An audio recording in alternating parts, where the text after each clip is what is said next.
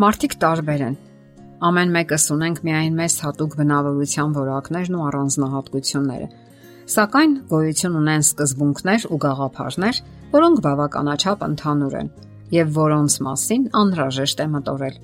Եվ դրանց մասին պետք է մտածեն թե ամուսնացածները, եւ թե նրանք, ովքեր նոր միայն ցանկանում են ամուսնանալ։ Խոսքն այն մասին է, թե ինչպես նվաճել հակառակ սեռի սիրտը եւ հատկապես կանանց։ Կին տղամարդ փոխհարաբերություններում այսօր ինչ որ բան այն չէ։ Այսօր տղամարդիկ դադարել են նվաճել կանանց սիրտը կամ դադարել են փորձերը կանանց սիրտը նվաճելու։ Պարզապես հետ են վարժվել դրանից։ Նրանք յուրացրել են մի բառապաշար՝ լի հերթապահ արտահայտություններով։ Ինչպիսիք են օրինակ.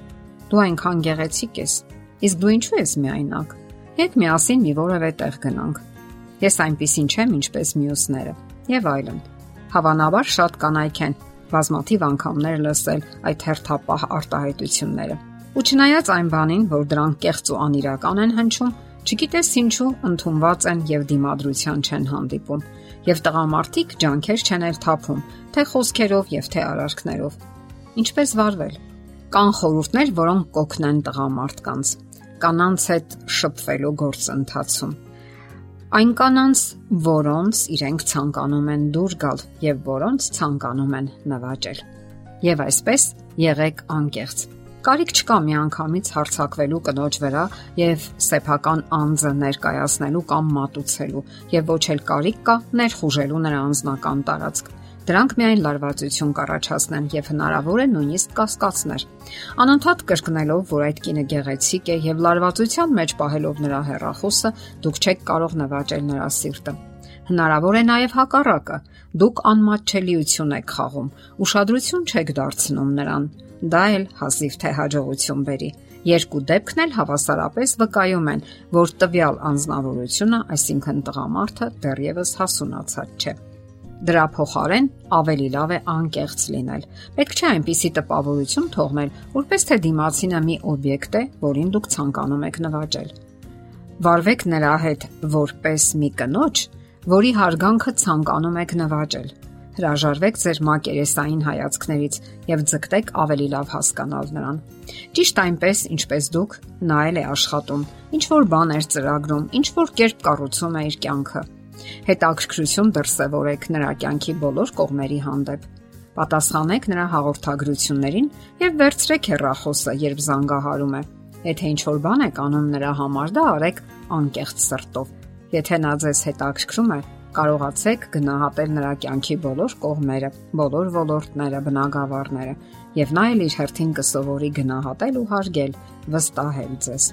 Հաջորդ պահը՝ եղեք վստահ։ Ամենից առաջ ասենք, որ վստահությունը երբեք էլ ինքնավստահությունը չէ։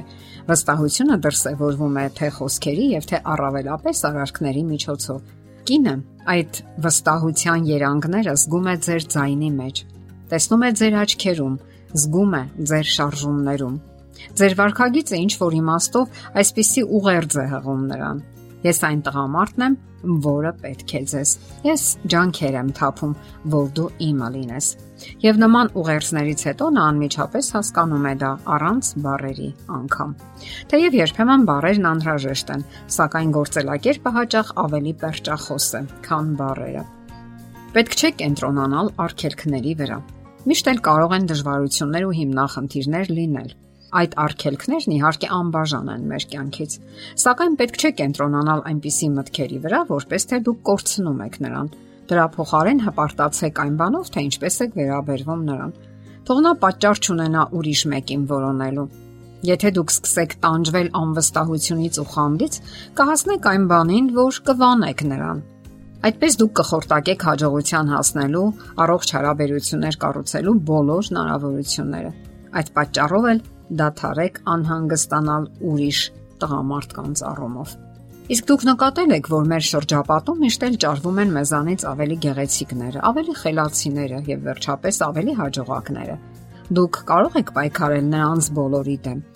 Եթե ասենք ամբողջ ժամանակ մտածեք նրանց մասին, ապա միշտ անբավարար կմնաք ձեզանից եւ մի օր էլ հավանաբար կընկնեք դեպրեսիայի մեջ։ Հետևաբար դուք ինքներդ երջանիկ չեք լինի եւ հոգեկան ապաշարներ էլ չեք ունենա մեկ ուրիշին երջանկացնելու համար։ Ընդհանրապես հաշվի առեք, որ եթե նա քիչ ժամանակ է հատկացնում ձեզ, բոլոր դեպքերում դա նշանակում է, որ նա այնուամենայնիվ հետաքրքրվում է ձեզանով։ Ինքնավստահ եղեք եւ օգտագործեք այն շնորհները, որ Աստված ապարգևել է ձեզ։ Մի փոքր ազատություն Խոսքը ավելորտ ինքնավստահության մասին չէ եւ ոչ էլ ամբարտավանության կամ առավել եւս սանձարձակության։ Պարզապես որքան մեծ է մեր տարիքը, այնքան ծրագրավորված ենք ապրում մենք։ Ծրագրավորված են մեր օրերը։ Հաճախ ժամանակ չի մնում, որ հասցնենք ամեն ինչ։ Երբեմն հարկավոր է հրաժարվել այդ խելահեղ զբաղվածությունից եւ որոշ ազատություն տալ ինքներդ ձեզ, թուլանալ, հանգստանալ, Ինքնաբուխ կյանքը բավականաչափ հաճելի է դարձնում կյանքը։ Այսինքն դու կարող ես հանդիպումներ կազմակերպել առանց մեծապես ծրագրավորելու դրանք։ Եվ վերջապես եղեք ստեղծագործական անznավորություն։ Ստեղծագործական մտածումներ դրսևորեք։ Մտածեք, թե ինչպես բազմազան դարձնեք ձեր հարաբերությունները։ Ասենք որ սա հավասարապես վերաբերում է եւ ամուսնական զույգերին եւ այն երիտասարդներին, որոնք պահպանում են ժամադրության էթիկան եւ կանոնները եւ դեռևս վերջնական եզրահանգումների չեն եկել։ Գոյություն ունեն այլ գործոններ եւս, թե ինչպես նվաճել սիրելի անznավորության սիրտը, որոնց մասին մենք կխոսենք մեր հաջորդ հաղորդումների ժամանակ։ Եթերում է ճանապարհ երկուսով հաղորդաշարը։ Հարցերի եւ առաջարկությունների համար զանգահարել 033 87 87 87 հեռախոսահամարով։